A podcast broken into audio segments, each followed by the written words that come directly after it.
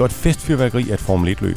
Max Verstappen vandt, Mercedes-racerne udgik, Kevin Magnussen og Romain Grosjean sluttede historisk godt for Haas, og kampen om VM er pivåben. Velkommen til Det Ternede Flag, Danmarks nye podcast om Formel 1 og dansk motorsport. En god teams analyser og perspektivering af Formel 1-løbet på Red Bull Ring, og vi lover ikke at nævne et ord om fodbold. I studiet er Dasos talentchef Bo Balser. Mit navn er Jens Sommer. Velkommen til. Det var et ret vildt løb, vi var vidne til. Der var tæt res, overhalinger, fejl på banen og uden for banen. Der er med andre ord masser at snakke om. Men lad os, snakke, lad os starte med Mercedes og løbets afgørende øjeblik. Hamilton og Bottas de ligger komfortabelt i spidsen af løbet, indtil Bottas udgår og fremtvinger en virtual safety car. Under den virtual safety car, der lader Mercedes Hamilton blive ude på banen, mens Red Bull kalder begge deres biler i pit. Hvorfor var det her løbets afgørende øjeblik? Jamen det er det jo, fordi hvis du laver dit pitstop, mens der er en uh, virtual safety car, jamen, så taber du ikke nær så meget tid, som du gør, hvis du laver pitstoppet under løbet. Uh, så derfor er det første, man normalt gør, når der kommer en virtual safety car, det er at uh, kalde uh, bilerne, alting kører ind, så de kan udnytte den her, så de ikke bagefter skal tage et pitstop, så tager det op så lang tid, som, som de andres i forhold til konkurrenterne. Mm. Og det er blevet temmelig dyrt for Mercedes, det her? Ja, altså i første omgang, så kostede det jo Lewis Hamilton-føringen. Altså han lå jo komfortabelt i spidsen, og de havde faktisk en halv omgang øh, at reagere på. Det er jo det, som man ligesom har hæftet så meget ved, øh, efter at øh, Bottas udgik, og man vidste, der kom en virtual safety car, jamen der havde man faktisk en halv omgang til at beslutte øh, taktikken om at kalde Hamilton ind, og det gjorde man ikke. Øh, og det har man altså øh, betalt dyrt for, men så, så skete der så mere senere, som, som gjorde det måske var lidt øh, ligegyldigt alligevel. Ja, fordi Altså, lad os lige blive i den her situation lidt. Hvorfor er det, når de har en halv omgang til at, altså til at kalde Hamilton ind, Øh, kan du komme med en forklaring på, hvorfor de, ikke, hvorfor de ikke gør det? Er de så optaget af, hvad er det, der er sket med Bottas bil? Ja, det tror Eller? jeg personligt, at, det var det, der var årsagen. Altså, man, man var fuldstændig øh, fokuseret på alle de her skærme, der fortalte, hvad der var gået galt på øh, Valtteri Bottas' bil, at man, man helt overså, øh, at der var kommet en virtual safety car øh, på banen. Øh, det, det er min personlige øh, overbevisning, at han er blevet distraheret af deres øh, taktiske chef, eller stra- chefstrateg. Strateg, ja øh, så de ikke har fået gjort det, og lige pludselig er han kørt forbi i pittingkørselen, og så er det for sent, ikke? Men han, altså, en strategs, øh, en, en løbstrategs øh, fornemmeste opgave, det er jo at holde øje med, hvad er det, der sker, og hvad for nogle forandringer kommer der på banen. Han var, og han var ret hurtigt ude at sige undskyld til Hamilton og, og, og tage det på skuldrene og sige, det her, det, det var min fejl det må du undskylde, nu, men du bliver stadig nødt til at levere det bedste, du kan derudfra. Ja, men altså, hvis man hørte den der radiokommunikation, man kunne høre over, så var der en, en ret uh, skarp tone i det, som Hamilton han øh, uh, skrev, sendte den anden vej. Altså, da, da han opdagede, at han pludselig var nummer 4 i stedet for nummer 1, så, så sagde han, hvad er det for noget? Altså, og, og, og de har været ude i dag, også uh, Toto Wolff, og sige, jamen, jeg, jeg sagde simpelthen til vores chefstrateg, jeg kan ikke lige huske, hvad han hedder, men, men at, at du er nødt til at gå ud og så sige nogle ting, som, som ligesom øh, for, for forklare Louis, hvad det er, der er sket, og hvis fejl det er. Øh, mm. Og det, som, er, som, som alle også hæfter sig ved, og som man har talt om, det er jo det rent faktisk tredje gang i år, at man laver en bummert øh, på strategien hos Mercedes.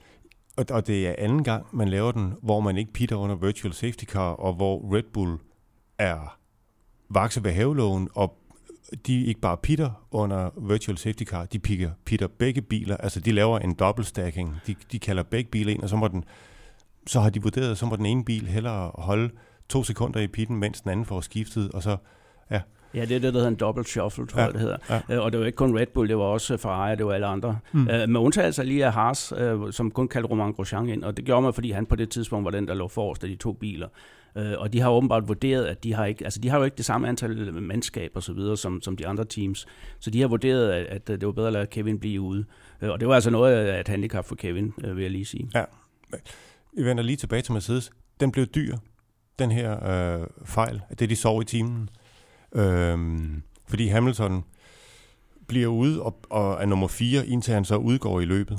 Øhm. Ja, altså da de, da de så tager ham ind til det her normale pitstop, efter at virtual safety car er over, de har kørt nogle omgange, jamen, og så kan man allerede se på tiderne, at når de pitter ham, så vil han komme ud øh, som øh, i bedste fald en fjerdeplads, ja. hvilket han også gjorde, han kom ud lige foran Fettel.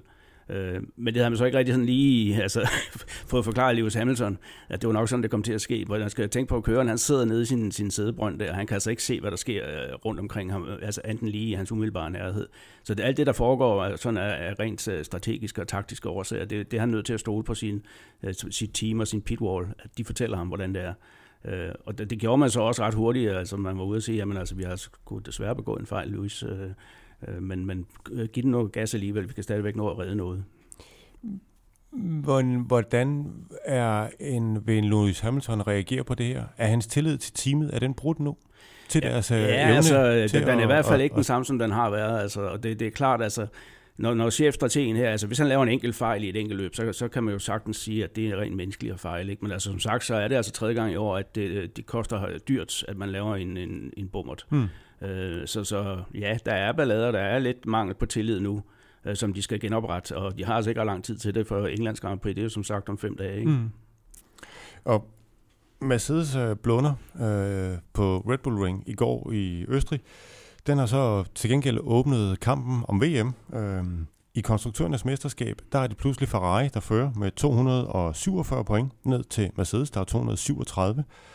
Øh, det er jo et helt andet øh, scenarie end efter lørdagens kvalifikation, hvor Ferrari sov, og Vettel han fik øh, tre startplaceringer på griden for at være vejen for Carlos Sainz.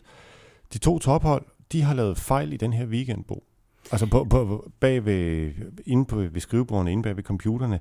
Er det antallet af fejl, der skal afgøre det her års VM? Jamen det kan det sagtens gøre, og nu er man jo i gang med den her altså meget omtalte tre uger i træk mm. øh, løbserie, hvor folk er maksimalt stressede. Øh, mekanikerne arbejder i, i døgndrift øh, 24-7, vil jeg tro, ikke? og det samme gør alle planlæggerne og så videre. Så det, det er nu, altså, altså, hvor fejl kan komme til at afgøre VM. Dem, der laver færrest fejl, i, øh, jeg vil stadigvæk tro, det er mellem Ferrari og, og, og Mercedes, der kommer til at stå. Altså dem, der laver færrest fejl, og vi skal jo også tænke på, at udover den her fejl, vi lige har snakket om, at den er strategisk art, jamen, så øh, udgik begge Mercedes jo altså med mekaniske defekter hmm. derudover. Ikke? Øh, noget, som altså, man jo næsten aldrig ser. Altså, Toto Wolf, der, det var jo nærmest som et flashback til Ron Dennis' tid, da han sagde, jamen jeg, havde, jeg har det simpelthen fysisk dårligt over det her. og det var noget af det, som Ron Dennis blev kendt med i, øh, i deres øh, heydays, at, at han sagde, hver gang vi ikke vinder, jamen, så har jeg det fysisk dårligt, og det, det så Toto Wolf altså også ud til. Han har jo heller ikke lagt fingrene imellem her bagefter. Man sige, det her det er det værste, der er sket siden, at vores øh, Rosberg og, og Hamilton stødte sammen i det spanske Grand Prix for et par år siden. Mm. Det, er, det, det er jo kontant afregning her det er det fra, i hvert fald. fra Mercedes. Ja. Øhm, men du mener stadigvæk, at det bliver mellem øh, Ferrari og det bliver mellem Mercedes, at øh, kampen om øh, VM den skal afgøres? Øhm. Ja, altså umiddelbart, men altså jeg vil da ikke, uh, altså, jeg vil da ikke se helt bort fra, at uh, Red Bull, som, som vi nu ser, hiver en kanin op af hatten uh, i form af Max Verstappens fantastiske kørsel. Altså det synes jeg lige, man skal understrege, at, at det her det var altså en sejr, som blev kørt mod alle odds af en Max Verstappen, fordi øh, han havde sådan set ikke en ret til at være foran de to Ferrari'er. Det kørte han sig til. Øh, og det er jo en fantastisk modsvar for, for Max på den øh, kritik, han, han fik i, i de første seks løb, hvor han, hvor han jo crashede og lavede fejl på fejl. De sidste tre løb har det altså gået fra, fra styrke til styrke. Ikke? Først nummer tre i, i Canada, så nummer to i Paul Ricciardo vinder han altså. Øh, og det gjorde han på øh, altså, en en kørsel, som er blevet berømmet også af hans teamchef, altså specielt hans tire management, ja. som man jo ikke normalt forbinder med Max Verstappen. Det er jo mere rå aggression og, og angreb og sådan noget. Og det så vi også et eksempel på i Østrig her, hvor han overhalede Kimi Räikkönen, og de lige var inde og knuppe dæk og så videre i et af banens hurtigste sving. Så det er jo ikke sådan, at han har tænkt sig, og det sagde han jo også dengang, han blev kritiseret, at han har ikke tænkt sig at ændre noget som helst. Han er den, han er, og han kører, som han kører. Og når det går godt, så elsker alle ham, også de der 35.000 hollænder, der, der var på plads i Østrig, øh, kunne man se, øh, elsker ham, og, og jeg elsker ham også, fordi det, det er sådan nogle ting, der, der virkelig sætter liv i Formel 1. Og hvis han kommer øh, på, en, på en, øh, en winning streak, som det hedder, øh, han har godt nok tabt mange point i begyndelsen, men han skal aldrig sige aldrig. Altså, og, og, og også en, en tydelig frustreret teamkammerat, ikke? Jo, jo fordi vi, vi skal også lige sige, at vi har også været efter Max Verstappen her på det ternede flag, øh, fordi de første seks løb, den udgiver han jo af med...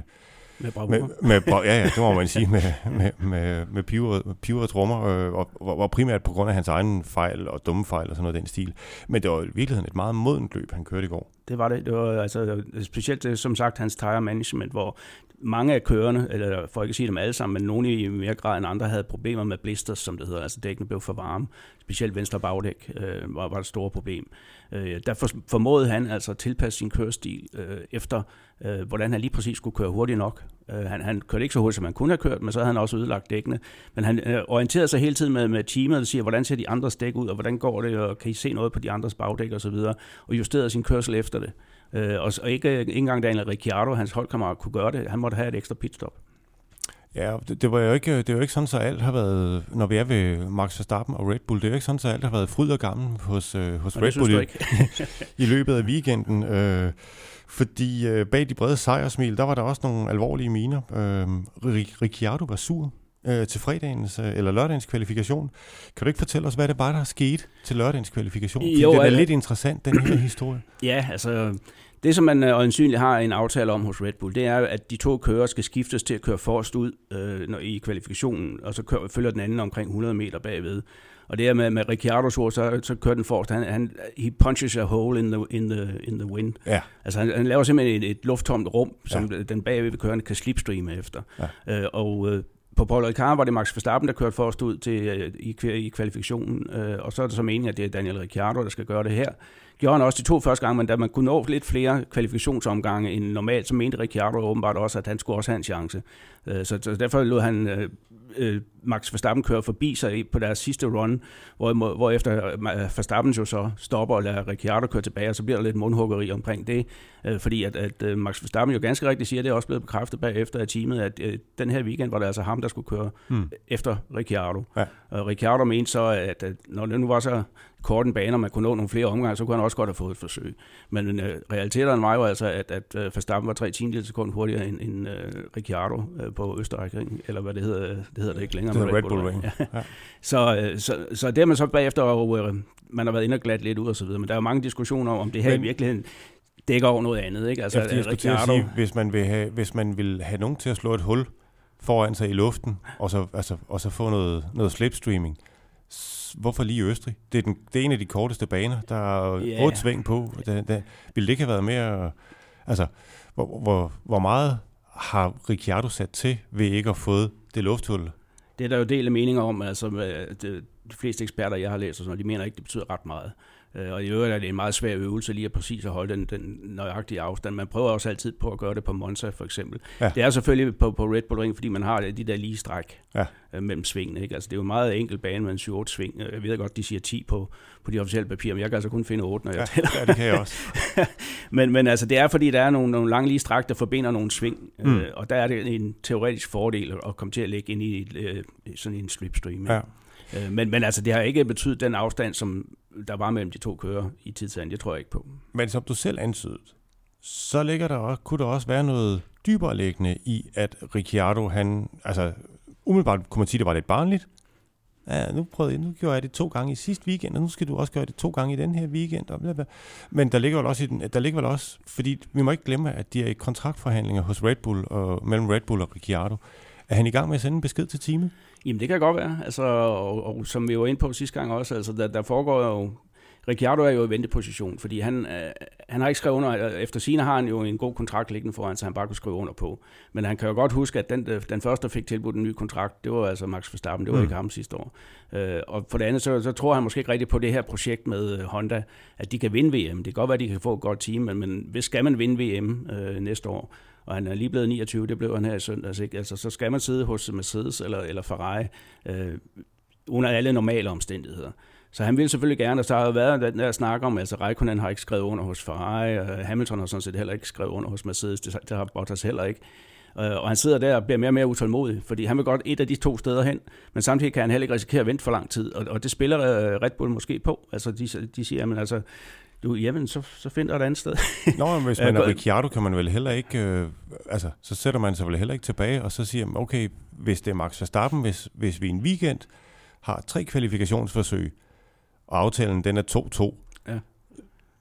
Så skal vi lige have aftalen. Hvad gør vi så den dag, ja. vi kører tre kvalifikationsforsøg? Fordi det bliver også afgørende den dag. Hvad sker der så den dag, der kommer de kommer med kun én opgradering. Hvem får så den opgradering? Ja. Er det ham, eller er det mig? Og ja. det er jo sådan, altså det er vel sådan, ja, men det, det, det, det, er det spil, der kører, ikke? Altså, og det er også et udtryk for, at der er en intens konkurrence mellem de to kører. Hmm. Øh, og den ene, de ved begge to godt, at den anden han er en af de bedste i branchen, ikke? Altså, og kan jeg slå ham, så er mine aktier endnu højere. Ikke? Og omvendt, hvis jeg bliver nummer to efter Verstappen, ja, så er mine aktier ikke så høje. Mm. Så derfor betyder det der noget, også, også for ens ego selvfølgelig, om, ja. om, om man også får lidt den anden vej. Ikke? Ja. Men, han, men han var selv ude bagefter Ricardo og siger, at vi fik vist ikke uh, snakket over om det her inden. Uh, så, så på, på sin vis har, har Max Verstappen og teamet ret i, at det var min tur til at køre forrest. Men omvendt synes jeg jo godt, at på den her bane, bla bla bla, så kunne, så kunne det godt have været lidt omvendt. De har bare ikke fået snakket om det. Mm. Øh, men, men det er to intense konkurrencemennesker, vi ja. snakker om. Ikke? Og for os, der var vi så heldige, at det gjorde de så under, altså på radioen under selve kvalifikationen, ja, så fik vi ja. også et, øh, et lille indblik i, hvad der, hvad der, hvad der skete der. Men, øh, et jeg meget... synes også, altså, altså at høre det der, netop som den der radioklip der, at høre en, en 20-årig Max Verstappen være så viljefast i stemmen og sige, nej, jeg kører ikke forbi. Ja. Øh, det er disciplin, det her. Altså, der er ikke, der er ikke mange 20-årige, der er så modne, tror jeg. Hmm. Og det, så er vi igen tilbage ved, at Max Verstappen kørte et modent løb. Og så, så kan man lide formen, han gør det øh, på eller ej, men øh, sejren er der ikke nogen, der kan tage fra ham. Øhm, inden vi... Nu var det lidt lille sidespring. Dem kommer vi til at tage et par stykker af her, fordi der er som sagt masser at vælge imellem. Øhm, og inden vi skal snakke om kørendes VM, så skal vi også lige snakke om Haas i konstruktørernes VM. For de tog et kæmpe spring i den her weekend. Med begge biler i pointene, så ligger det nu på en femte plads med 49 point. De er 5 point foran hedderkronet McLaren og 7 point foran Force India, der sluttede på fjerdepladsen sidste år. Hvor vigtigt var det lige for Haas at sætte de her 22 point på kontoen på? Jamen altså, det kan næsten ikke beskrives. Altså, det, det, efter, man vil jo huske Australiens Grand Prix, det var det første løb i år, hvor de smed det samme antal point, for de lå også på en 4. og 5. plads der, ja. og der udgik begge kørende, øh, fordi bilerne Ja, julefald af. Ja, julefald bogstaveligt talt af, fordi man lavede en fejl ved juleskiften. Ikke? Ja. Øh, og det var også det, de sagde, vindication eller redemption, eller hvad det nu var. Øh, vi er blevet, øh, Kevin sagde, jamen det her, det er, det er retfærdigheden, der skal fyldes og så videre. Altså selvfølgelig er der den del af det, men der er jo også den helt faktuelle del, at nu er de pludselig rigtig, rigtig godt kørende, både i konstruktørmesterskabet, men også i køremesterskabet, hvor Kevin jo er røget op på en fantastisk syvende plads. Altså prøv lige at tænke på det. Den bedste kører uden for de tre store teams, han er altså dansker i øjeblikket. Mm. Øh, og han scorer bare point, skovler point ind. Altså nu har han kørt 18 point ind i de sidste to øh, løb, mm. og har mange flere, end han havde sidste år. Ikke? Øh, og, og også, også fået gang i Roman Grosjean, ja. ikke? så det var en kæmpe weekend for Haas. Øh, og en fantastisk øh, tri- tribute til, til det team, der, det, der, det mindste team i Formel 1. Ja, og så i øh, deres jubilæumsløb. Og deres jubilæumsløb nummer ja. 50, øh, der laver man sådan et, et kongeresultat. Ikke? Ja. Ja, fordi her i Danmark, der er vi selvfølgelig glade for, at Kevin Magnussen og det hold, han kører for, de ligger så højt. Men det er ikke alle, der deler den begejstring for Haas-teamet. Hvad er det ved Haas' organisation, der får de her kritikere frem i lyset? Jamen det er rigtigt. De blev jo i begyndelsen af sæsonen kritiseret af nogle af de andre teams, blandt andet øh, McLaren, men også Force India osv., over den forretningsmodel, som man har bygget Haas-teamet op over. Det er jo en model, som ikke har gældt altid. Før tiden hed det sig jo, hvis du ville i Formel 1, skulle du selv bygge din bil færdig. Altså, der var altså, altså, du, skulle, du skulle dybest set ja. lave... Du skulle bygge en fabrik, og så skulle du bygge ja. det hele fra grunden af. Og du skulle både stille med motor ja. og affjedring og gearkasse og chassis. Alt det skulle du selv ja. lave, ikke? Og det, det der, de regler er så gradvist blevet lempet, sådan at uh, først måtte du så købe motor, og der har man så i og for sig altid måtte. Men så må du også købe gearkasse, og så måtte du købe nogle forskellige dele. Men for nogle år siden, uh, da det begyndte sådan for alvor at knibe med, med at få teams ind i, i Formel 1, og vi så nogen, der forsvandt HRT og med Marussia og sådan nogle teams, som, som simpelthen gik nedenom og hjem. Ikke? Ja, de foldede sammen efter et par år. Ikke? Ja, ja. Øh, og det gjorde de jo netop, fordi økonomien ikke kunne bære det der med, at de selv skulle bygge det hele. Ja, fordi man skulle vel hedde Toyota, man skulle vel være en, en bilfabrik med en 10-års plan og en rigtig stor pengetank i ryggen, hvis man sagde, okay, nu vil vi ind, og så køber vi en fabrik, der kan lave et chassis, vi udvikler vores egen motor, vi har måske vores egen vindtunnel, der skulle rigtig mange penge til. Ja. Og det var, jo, det var jo krav for, det var dengang, det gik rigtig godt, der var det jo, der var det for at holde andre ude, ja. kan man lige så godt sige. Ikke? altså de eksisterende teams, som jo havde lavet de investeringer over, over mange år, mm. de var ikke interesseret i, at der bare kom nogen og, og tog en smutvej ind i Formel 1. Mm. Men den, den uh, regel lavede man altså om for en 3-4 år siden, sådan at man kunne købe langt større, langt flere dele uh, ud af huset, end, end man normalt måtte. Ja. Og det gør jo altså, at, at uh, det første, der fattede det, det var Haas. Uh, fordi han, han, de kiggede nøje, forestiller mig, kigger tæt på de her nye regler, siger, hvad må vi, hvad må vi ikke, øh, og så går vi lige til grænsen. Vi køber alt det, vi kan overhovedet fra, fra etablerede øh, producenter, og for eksempel Ferrari leverer både motor og gearkasse og hjulophæng og så videre. Det må mm. man godt ifølge de der regler. Ja. Og så øh, beder vi simpelthen Dallara om at bygge et chassis til os. Ja. Og det eneste, vi sådan set selv gør, det er, at vi samler tingene, og så er vi ude på, på banerne. Og derfor kan man så klare sig med, jeg tror, de har 200 ansatte og, og et langt mindre budget, men en meget, meget konkurrencedygtig bil. Mm. Øh, så, så det er jo en, en forretningsmodel, som, uh, som er en succes. Og det skulle undre mig meget, om ikke vi inden for de sidste, de næste par år ser andre følge i den retning. Ja, fordi det har jo også tyndet noget ud i holdene, efter at man har set uh, både HRT uh, pakke sammen efter et par år, og vi så uh, Toyota var der i den periode, de havde ja. committet sig til at være der ja. i, og så var de der ikke et sekund længere. Og altså, der er det også tyndet noget ud i antallet af Formel 1-teams. Vi er nede at have, vi er nede at have 10 teams nu, Ja. Det er måske lige underkendt. Jamen, jeg synes, Eller hvad det, synes du? Jeg, jeg synes, det er for lidt. Altså, fordi det, det, for det første er det, fylder det for lidt på banen med 20 biler. For det andet er det for svært for nye kører at komme ind, for der er ikke ret mange sæder at vælge mellem, og prisen på de sæder bliver så presset voldsomt i vejret. Ikke? Altså for mig så skulle man have 12 teams, måske 13. Jeg tror, at de fleste baner er, er homologeret til, at du må godt være 26 Formel 1-biler på, når de har en vis længde, som de mm. har.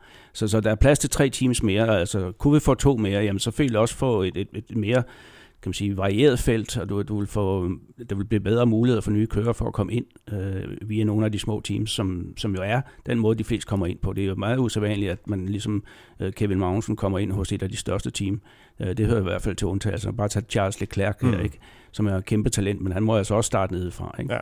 Ja, men hvis vi lige vender tilbage til den der Haas-model der, øh, kritikerne, øh, hvem har det været? Nogle af de gamle? Jamen det er selvfølgelig dem, der har investeret alle de penge. Øh, for eksempel øh, altså Force India, som jo så bygger det hele selv. Mm. Undtagen motorerne, som de får fra Mercedes og Gearcash, hvis nok også. Ikke? Men ja. ellers bygger de jo alting selv. Øh, har dyre vindtunneler og så videre. Øh, de, de, og så kommer der sådan en, en opkobling her, som, som ikke har investeret nær så meget i det, men som fra starten af nærmest er, er lige så konkurrencedygtigt, som selv er. Øh, og det er simpelthen et spørgsmål om, at de vil beskytte deres egen firma, mm. ikke? altså deres egen forretningsmodel mod den nye forretningsmodel her. Men der kan man jo sige, det er jo, det går jo ikke, der, de, de, de gamle hæderkronede, etablerede Formel 1-teams er jo ikke sådan, dem alle sammen, der klarer sig voldsomt godt. Altså, vi så Williams og McLaren. De slutter Ej. altså begge to bag ved Sauber. Ja, altså, og der specielt synes jeg med, med omkring Williams, vi har jo snakket om det tidligere, altså det er jo en reminiscens fra, fra 80'erne og 90'erne. Sådan havde man Formel 1-teams ja, dengang. Altså, der, der var en eller anden øh, patriark i spidsen, som med hård hånd styrede det her, og det var en pyramideformet struktur. Øh, og han var nogle gange et dumt svin. Han skulle, øh, det var ham, der bestemte, og han slog bare i bordet, og sådan gør vi. Øh, hvorimod de nye her, altså det er jo mere matrix-baserede øh, konstruktioner og organisationer, bygget som store firmaer. Ikke? Øh, og det har altså overhalet den, den gammeldags forretningsmodel, hvis man kan sige det på den måde. Mm. Og der er så McLaren, der, der er faldet et eller andet sted ind midt imellem de to, så vidt jeg kan sige. Det var godt nok nogle af de første, der byggede matrix-modellen, den, den der flade organisationsstruktur øh, som man har der. Men, men det giver altså også nogle problemer, øh, fordi der bliver ofte nogle konkurrence mellem de forskellige øh, afsnit eller afdelinger inden for, inden for øh, firmaet, som egentlig skulle arbejde sammen. Man har også set det hos Ferrari før i tiden, at, at det ender med intern kaos og borgerkrig, i stedet for at man står sammen mod omverdenen. Ikke? Ja. Men, men det er altså der, altså Williams på en eller anden måde bliver de nødt til at gå op med den gamle struktur. Claire Williams sidder der som substitut for Frank Williams som chef. Øh, formelt er det stadigvæk Sir Frank, der, der er chef, ikke? men han, hans helbred tillader ikke, han er ude ret mange gange, så derfor er det overdraget til datteren der. Mm. Øh, og, og der er mange gange, altså det virker som om det sejler, ikke? Mm. Men Haas, ikke desto mindre, ligger på en femteplads. De har chokeret en... Sjovt nok var Renault-kørende. Både Hylkenberg og Sainz var ude her i weekenden og sige, det var så med overraskende, at de ligger så højt. Øh, øh, man kan sige, at Renault beslutter sig også for at komme ind i Formel 1 med et budget, der er hvad, mindst fire gange så stort, som, som Haas er. Øhm, det, det må vel gøre ondt, eller give stof til eftertanke til os øh, med de nye amerikanske Formel 1-ejere, hvordan Formel 1 skal, forretningsmodellen skal skrues sammen i fremtiden. Hvis, vi, hvis sporten skal blive ved med at være attraktiv, både for de etablerede, men også for de nye, også når vi snakker både konstruktører, men også øh, publikum. Jamen det er klart, altså det er noget, man, man bokser med. Altså hvordan skal vi gøre det? Altså vi kan ikke fortsætte på samme måde som, som tidligere, hvor man favoriserede en 5-6 af de gamle hold øh, på bekostning af nye. Det holdt jo reelt alle nye ud. Øh, omvendt så er man også nødt til at sørge for, at de ikke forsvinder. Altså Ferrari tror jo regelmæssigt med at trække sig ud, hvis ikke de får deres vilje. Ikke? Øh, hvis de nu vinder VM i år, så kan det godt være, at de bliver der lidt endnu. Øh, men det er det, det, det der dilemma, og det er det der kompromis, man skal finde. Altså hvis man tænker tilbage på, på eller kigger på IndyCar, øh, og, og før det Champ Car i USA, så var det jo bygget op som franchise-modeller, ja. hvor at de enkelte teams, de også var medejere af serien. Øh, og det har der været snak om, om det er det, som man på sigt gerne vil øh, en model, man gerne vil have lavet i Formel 1 også. Øh, så det skal blive lidt spændende, om det er det, man vil. Indtil videre er man jo bundet af nogle kontrakter, som blev indgået af, af Bernie Ecclestone og Formula 1 Management før øh, de nye ejere kom til, før Liberty kom til. Mm. Så, så indtil videre kan man ikke rigtig gøre noget, men man kan jo godt begynde at lave de indledende øvelser. Og de er, de er undervejs, de indledende øvelser, øhm, inden vi når, men det ligger langt ude i fremtiden, længere end vi lige kan overskue her på podcasten. Øhm, fordi nu vender vi så lige tilbage til øh, øh, fra det forholdende og fra det storpolitiske med det lange. Øh, med en lang optik, så vender vi tilbage til kampen om, øh, hvad hedder det, om konstruktørernes VM. Øhm, Den, nej, den har du svaret på, så det gider vi ikke. Men vi skal til Kevin Magnusens præstation, synes jeg. Ja, altså en ny fremragende. Femteplads. Ja, altså den her weekend, og det tror jeg så, det er første gang i år, øh, han øh, har været lidt efter Roman Grosjean øh, på tiderne, også gennem træningen og også i, i tidtagningen. Øh, på et tidspunkt så det ret slemt ud under tidtagningen, hvor han var 7-8 del efter, men så fik han lige hentet det mest ind i det sidste run, han havde. Øh, så det, det blev respektabelt halvanden tiendel, men, men Grosjean var rigtig god øh, på Øster, eller på øh, Red Bull Ring. Øh, og, og det, hele weekenden. Og hele weekenden, ikke? Og han kørte altså med en selvtid, som man skulle tro, han ikke havde, efter alt det, der er gået galt øh, for ham indtil det der. Men, men jeg tror altså, altså, det her det var et kæmpe boost for ham, det er jo klart, fordi han er jo blevet afskrevet og latterligt gjort nærmest øh, for altid. Han har begået mange personlige fejl også. Mm. Øh, men det her... Som, den, til hatten af for ham. Han har jo ikke været, han har jo ikke, at her har vi jo en racerkører, der ikke har været bange for at indrømme i løbet af weekenden, at han har lavet personlige fejl. Det, er jo de var også så store, man kunne næsten ikke undgå. Nej. Nogle gange i hvert fald. Men altså, jeg personligt altid godt kunne lide Roman Grosjean, altså fordi, også fordi jeg ved, at han er en fantastisk hurtig kører hmm. over en enkelt omgang. Altså som kvalifikationskører er der ikke mange, der kan måle sig med ham. Og at Kevin har slået ham så ofte, som han rent faktisk har gjort i år, det er jo et kado til Kevin. Fordi han har jo løftet sit game, hvor at, uh, man, kan jo, man kan jo sådan set tilskrive nogle af Grosjeans fejl, blandt andet Paul Ricard og så videre, at han er, han er nødt til at oversætte sig for at overhovedet følge med Kevin. Hmm. Øh, her på Red Bull Ring var det altså så øh, Grosjean for en gang skyld, der var foran Kevin. Men Kevin, øh, til hans øh, kredit, altså han mistede jo ikke hovedet og sagde, nu skal jeg fandme gøre et eller andet åndsvæld og så videre. Han kørte sit eget løb, kørte et rigtig stabilt løb. Han kunne ikke helt være med på de første stint på de første dæk, der mistede han tid til Grosjean, men, men de kom tilbage senere efter hans pitstop, der var han jo den hurtigste og kom mm. op og sluttede halvanden sekund efter Grosjean. Ja. Og det er på trods af, at man, han, han tabte to-tre placeringer i forbindelse med Wurzel Safety Car, fordi ja. han ikke blev kaldt ind. Dem måtte han først kæmpe tilbage. Først overhalede han Carlos Sainz, overhalede han øh, Esteban Ocon, øh, og, og det sidste så ender han helt op under hækspoileren på Roman Grosjean, og det, det er simpelthen godkendt. Og han får også øh, kredit for det i international presse, kan jeg se. Og det, det, det synes jeg også, vi skal ikke, det er ikke, skal ikke forstå sådan, at vi sidder her og brokker os over en dansk kører, der Nej. sluttede på 6. pladsen i, eller 5. pladsen i et Formel 1-løb. Det er utrolig flot kørt. Og, jeg tror faktisk, det er hans næstbedste placering. Ja, og Haas, ja, ja, ja, men og også Haas, i det hele taget, ja, ikke? Altså. Ja, ja, ja, og Haas og Kevin Magnussen, de, altså, der, de, der, der er tre biler foran dem, der udgår dem, så ligger de der for at samle point op, ja. og det, det, det er, hvad de kan gøre, så, så men, det er godkendt. Og men, helt, men også altså, lige med det der, altså alle seks biler med Ferrari-motor, ja. de holder altså, det er ikke dem, der går i stykker. Altså, de er pointene. Renault-motorerne går i stykker, ja. og, og Mercedes-motorerne går i stykker, ja. men, men Ferrari-motorerne, de er bare bumstærke. Ja, ja.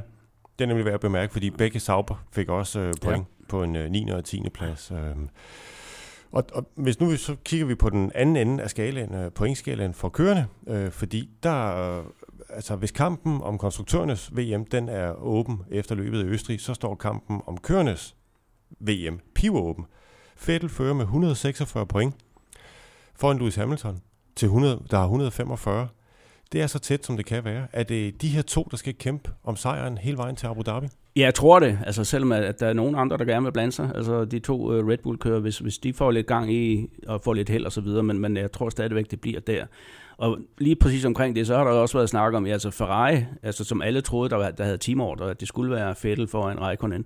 Ja, de gjorde ikke nogen indsigelser her. De bad ikke Raikkonen om at flytte sig, øh, så Fettel kunne køre forbi. Og hvis de står og mangler to-tre point, øh, når, de, når de er færdige øh, i forhold til at vinde, VM, hvis Vettel står og mangler tre point, så tror jeg, de vil tænke tilbage på det her. Han vil i hvert fald.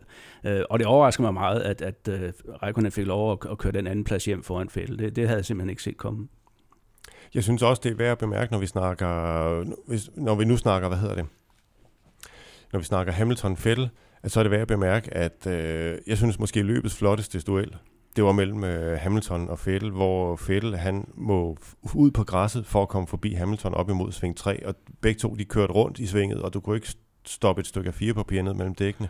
Øhm, det er noget, der sådan indikerer vidner om stor respekt mellem de to.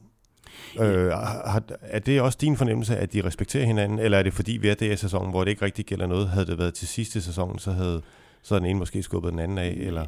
Altså, nej, jeg tror egentlig, der er respekt imellem de to. Øh, men det var i hvert fald også et vidnesbyrd om, at altså, alt det der med, at man overhovedet ikke kan overhale i Formel 1 og så videre, det blev der dementeret øh, på Red Bull Ring. Altså, vi havde den her fantastiske overhaling, som jeg synes var, var noget af det, det bedste, jeg har set længe, den duel, de mm. to havde. Ja.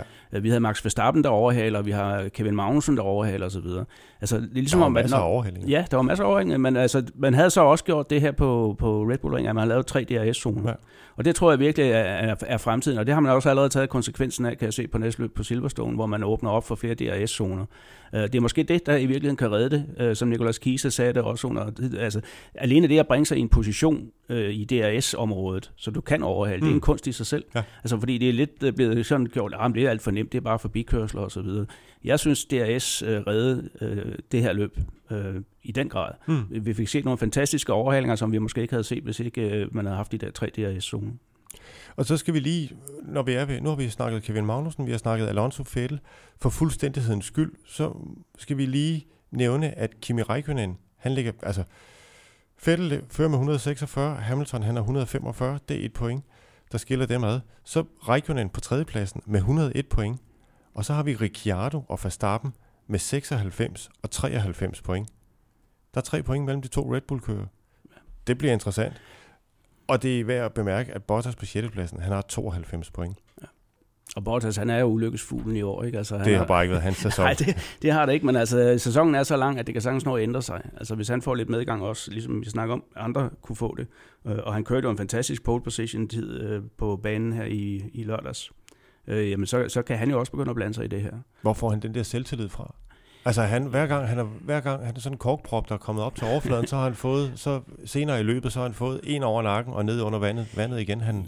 Jamen altså, jeg, jeg, jeg tror bare, at altså, hvis ikke du har den der ind, indættede selvtillid og tro på, at det nok skal lykkes, så er du ikke i Formel 1. Altså, det er bare noget, også med Verstappen og hans nedtur, og Grosjean med hans nedtur, de kommer tilbage. Altså hvis der er noget gods i dem, så kommer de tilbage.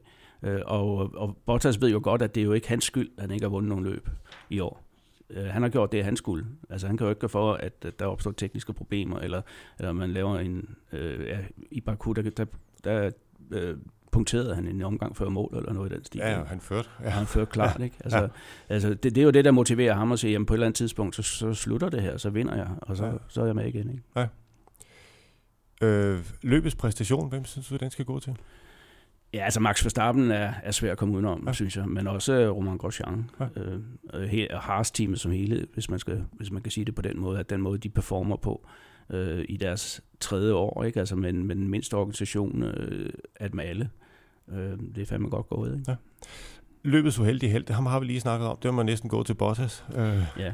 ja, og øh, Hamilton også for den sags skyld. Han, han gjorde egentlig heller ikke noget forkert, kan man sige. Nej, nej. Men, og, han, og han tog starten. Altså, han lå jo faktisk til at vinde. Ja. Han var foran Bottas. Ikke? Ja. Ja. Løbets heldige asen? Øhm, ja, altså Alonso, men jeg ved ikke, om man kan kalde det held, altså når man kører sig op fra at være næsten sidst, og så kommer I pointene. Det, det lød det, på en radiomelding på et tidspunkt, som om, at han kan i hvert fald ikke ligge hernede resten af løbet. Nej, nu må I finde på noget, ikke? Altså, jeg, jeg, jeg kommer on, ikke? Altså, der skal men han noget. profiterer endnu en gang af, at der er en masse, der udgår ja, foran ham. men han skaber også sit eget held, ikke? Jo. Øh, så så man kan ikke, jeg synes ikke, man kan kalde ham heldig. Det er måske forkert øh, udtrykt. Ikke? Men, men det er så heldigt for, for Ferrari også, altså, at øh, McLaren skyder sig selv i foden på den, eller slår Mercedes skyder sig selv i foden mm. på den måde. Ikke? Ja. ja. Bo, Dasustof, der har, det, jo, øh, det har ikke været den mest øh, aktive weekend for Dasustof, men der har der været gang i nogle af gutterne derude. Ja, Blandt altså, andet på, altså på hver sin side af, af Stillehavet, kan vi jamen, sige. Det, det kan man sige. Øh, danskere i udlandet. ja, jamen, du har ret i, der sker ikke så meget på den hjemlige scene i øjeblikket. Det gør der faktisk heller ikke næste weekend, øh, fordi der er sommerpauser hjemme. Ikke? Mm. Men, øh, men der er jo fuld gang i, i den internationale banesport, øh, og, og Jan Magnussen og Antonio Garcia kørte med i, i 6, 6 timers løbet på Watkins Gelände og blev nummer to, øh, mm. øh, nogle få tiendel efter vinderen. Vi havde også Christina Nielsen og her, David Heinemeier Hansen med i det løb, som også sluttede okay i deres klasse. Ikke? Øh, så, så altså, jamen Jan, han, han er jo ligesom vin, ikke? Altså, jo, jo ældre han bliver, jo bedre bliver han.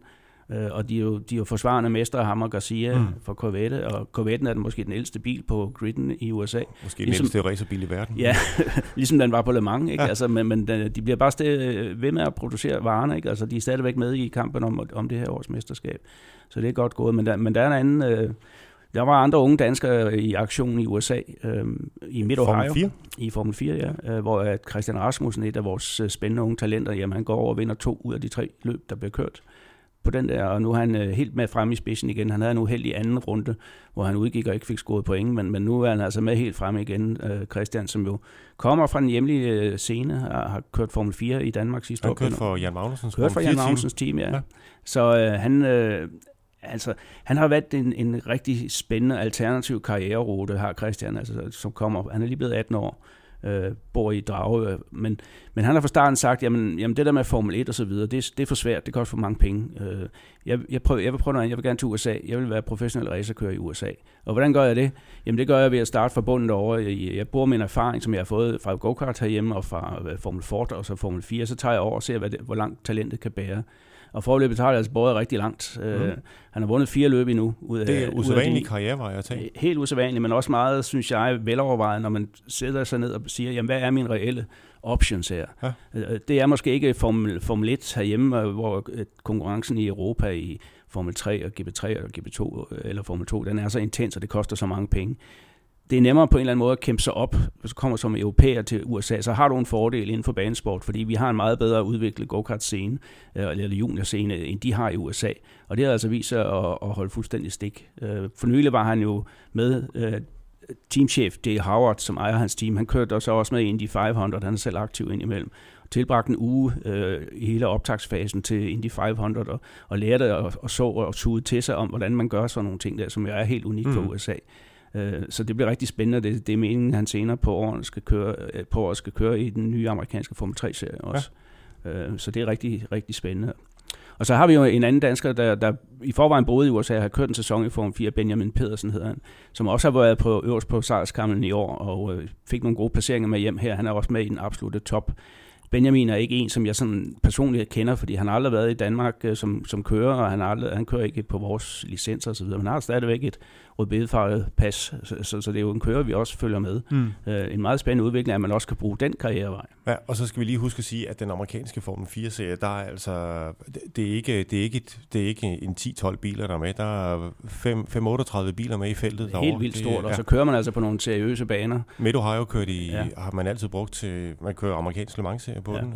Øh, Jan Magnussen ja. og company kører derovre. Ja. Ja. Man kører IndyCar på den stadigvæk. Ja, og man kører med i opvarmningsprogrammet til det amerikanske Grand Prix øh, på Circuit of the Americas øh, senere på året. Ja, og der havde de jo i øvrigt også første også- afdeling ja. øh, nede, så, så det er ikke... Øh, Nej, det er ikke og, nødvendigvis- modsat til Europa, altså, hvor det, det næsten er sådan, at uanset hvor meget du vinder, og, og hvor god du er, så, videre, så skal du stadigvæk selv ud og finde alle pengene til at komme videre. Så er der altså nogle muligheder i USA, hvor du kan vinde dig frem. Altså hvis du vinder en serie, så åbner der sig nogle, nogle løsninger i, i, en- i trinnet op og så Ja. videre.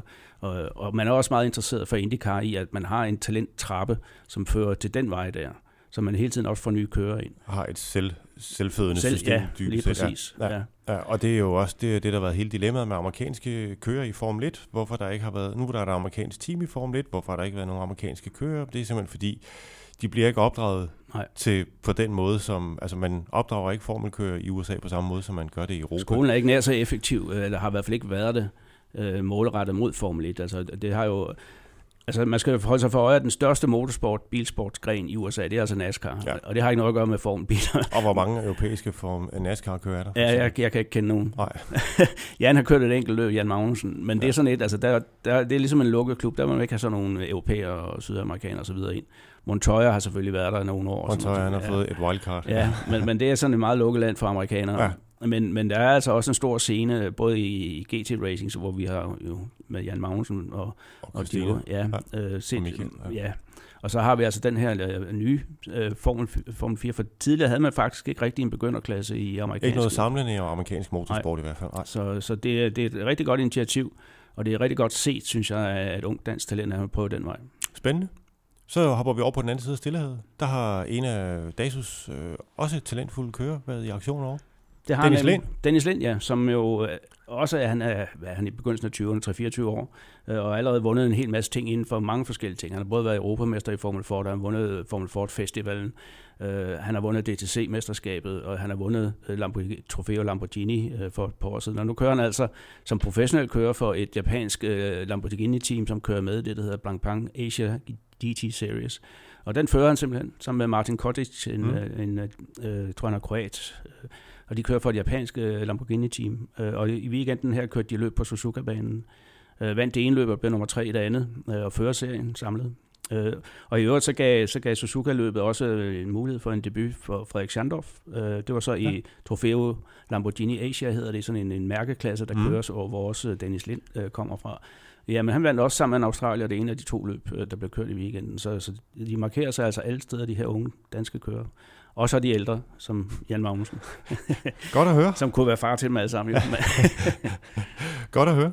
Øhm, Bo, øh, vi kigger, vi skal have en lang optik, ej, den er mellemlang optik på. Vi skal kigge frem mod øh, næste Formel 1-løb på Silverstone, øh, motorsportens øh, arnested. Øh, hvad er det for en bane, vi skal over, øh, de skal over køre på, og hvad kan vi forvente os? Jamen, det er jo en af de helt store traditionsbaner. Øh, den er jo bygget, Silverstone er jo bygget øh, på en øh, gammel øh, militær flyveplads fra 2. verdenskrig. Amerikanerne, de, de brugte den til deres B-17 bomberfly, og ligesom mange af de andre engelske racerbaner, så, så blev de grundlagt, fordi da krigen sluttede, havde man pludselig alle de her øh, flybaser liggende, som ikke rigtig vidste, hvad man skulle.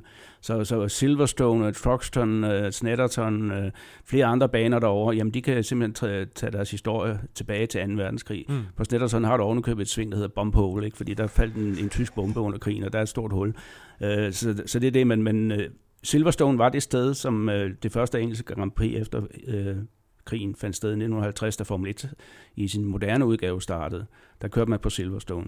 Og man har altså kørt der lige siden, altså på et tidspunkt uh, skiftedes man med Branch Hatch til at holde det engelske Grand Prix, men, men langt de fleste engelske Grand Prix siden krigen er kørt på Silverstone.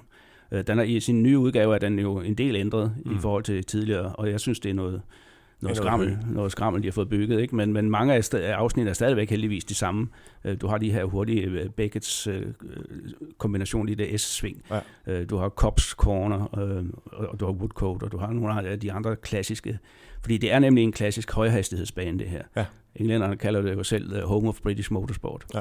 Øh, og det er et af, af, af årets højdepunkter på Formel 1-kalenderen simpelthen. Og, og med, med danske briller på, jamen, så er det jo godt, at det er sådan en bane, der ser ud til at passe Haas-bilerne ekstremt godt. Ja, fordi det er, lige, det er sådan noget, der burde være guf for ja. Haas. Med... Det, det er det også, og de ser også meget frem til det her løb, kan jeg fortælle. de, de glæder sig helt vildt til at komme til Silverstone og køre, fordi de tror, at de har en bil, der vil være rigtig god der. Øh, mindst lige så god, som den var i Østrig, så det skal blive rigtig spændende. Og det bliver spændende, fordi vi snakker altså om en, en Grosjean, der kørte hurtigere end Ricciardo i kvalifikationen. Altså ja. hurtigere end Red Bull. Det, det, det kunne være... Det, det, det, der, der er gode perspektiver i den. Der er perspektiver i den. Ja. Uh, vi skal spare med, at i selve løbet, der blev det taget med en omgang af ja. Max Verstappen. ja. så, ja. så nok kan man uh, måske følge med på en enkelt omgang. Det bliver svært over distancen. Men uh, det er der heller ingen, der regner med. Altså, Haas kører for at blive best of the rest, ikke? Uh, og kæmper med nogle topmotiverede modstandere. Mm. Uh, og jo, kan de hente efter de her tre løb, de her tre, sten, altså tre weekender i træk, kan de komme tilbage med en masse point der, ja. så står de altså rigtig godt inden efterårssæsonen. Ja.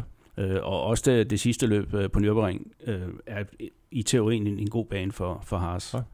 Kan du komme med tre staldtips til øh, Silverstone-banen?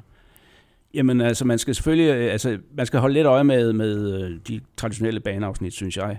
Og det starter jo med uh, Cops Corner, som er efter den gamle start- og mållangsid, som er et vanvittigt hurtigt højre sving 240 km i timen, jeg tror. Og når man står og kigger på det på ydersiden, så er det næsten det er svært at tro på, at man kan køre så stærkt igennem, at de der biler ikke bare flyver væk. Øh, og så kommer man altså ned til de her tre øh, S-sving, altså den her hurtige S-kombination. Øh, og kigger man ind i får man onboard-kamera, så skal man holde øje med kørendes hænder på retten igennem det der. Man skal prøve at høre lidt på motorlyden. Er det, Speederkontrol. Skal, ja, skal, skal, man, skal køre en løfte, skal han, skal han kontrastyre, skal han videre, eller kører den bare på skinner igennem de der sving. Mm. Det, det, der kan man se, om det er en bil, der, der, der kører godt eller mindre godt. Og så er der selvfølgelig det sidste afsnit, det lange øh, stykke ned af Hanger Straight, ned til Stowe Corner, øh, som er et af de gode overhalingssteder, hvis man kommer ind i det. Øh, og så har man altså også, som sammen med jeg sagde indledningsvis, øh, ændret på øh, DRS øh, systemet, sådan at der også er åben for DRS gennem nogle af svingene. Og det er så i den nye del af banen, øh, Nå. lige efter den nye startermål. Der, der kan du altså, hvis du kan, kan holde den der, altså, så kan du holde. Og det er altså fordi, man har set øh, det der, man gjorde i Østrig med at åbne en DRS-zone mere, det virker. Så det prøver man altså også at gøre på Silverstone. Det bliver interessant. Det er første gang, vi kommer til at se øh, en DRS-zone i et sving. Ja. Øh, Og det er for de modige det bliver og spændende. dygtige. Ja, øh, ja, og det er også sådan noget, der man, hvis ikke det fungerer for dig, så er det også, du, Ja, så bliver du pludselig overhalet i din egen øh, bag. jeg skal også til at sige, Bagover, murene står ikke så tæt der, men til gengæld, så skal du glide på en masse græs for at komme ud og ramme den mur, der, det kunne man godt forestille sig. Ja, men det lykkedes for Kimi Räikkönen for nogle år siden. ja, og- vi så det også for Ja. ja. Markus Eriksson forrige år. og Ja, det, så, så nej, altså Silverstone kan godt bide, fordi øh, hastigheden er så høj. Ja. Så det, det, man skal have respekt for den. Det var, hvad vi havde valgt at fokusere på den her gang. Vi er tilbage allerede mandag den 9. juli, hvor vi vil sætte det engelske Formel 1 Grand Prix i perspektiv og analysere løbet. Vi vil rigtig gerne lave flere af de her podcasts om Formel 1 og dansk motorsport. Og til det, der har vi brug for din hjælp. Det vil hjælpe os meget, hvis du bruger 30 sekunder af din dyrebare tid på at give os 5 stjerner og en kommentar i iTunes eller i SoundCloud. Og så selvfølgelig husk at abonnere. Tak for denne gang. Og husk, at hvis du abonnerer på Det Terne Flag, Danmarks nye podcast om Formel 1 og dansk motorsport, der er produceret af DASO, så får du automatisk besked, når der dukker nye afsnit op. Vi høres ved. Tak for nu.